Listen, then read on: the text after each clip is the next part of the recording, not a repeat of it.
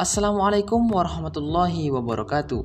Saya Hendri dengan nomor induk mahasiswa 120801118332 dalam program studi peternakan di salah satu universitas di Indonesia, UIN Suska Riau. Saya akan menjelaskan penyakit BIF, Bovine Ephemeral Fever atau yang dikenal dengan nama demam tiga hari. BIF adalah suatu penyakit viral pada sapi yang ditularkan oleh serangga Arthropod brown viral liceaceae bersifat menaik non-contagious yang ditandai dengan demam mendadak dan kaku persendian.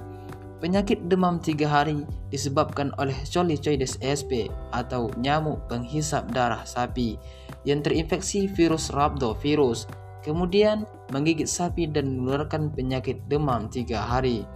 Penyakit ini biasa menyerang pada musim pancaroba atau peralihan dari musim kemarau ke musim hujan.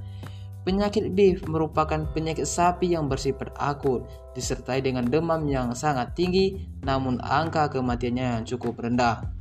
Meskipun demikian, penyakit ini tetap membuat pemilik sapi cemas dan takut, karena sapi menjadi malas makan bahkan ambruk. Kecemasan peternak yang berlebihan tanpa mengerti cara penanganan itulah yang menyebabkan sapi mati.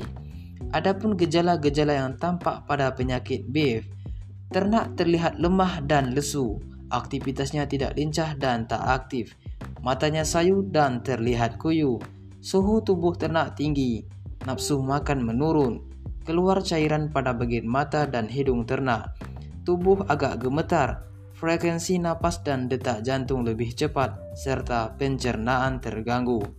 Untuk menghindari penyakit demam tiga hari pada sapi, peternak harus menjaga kebersihan kandang seperti sanitasi dan higienis kandang, memberikan vitamin secara rutin minimal sebulan sekali pada sapi untuk memperbaiki kondisi umum.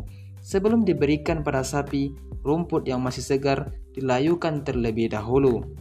Jika sapi sudah terlanjur terkena beef, disarankan memberikan air gula dan asam jawa atau diberi obat anti radang. Assalamualaikum warahmatullahi wabarakatuh.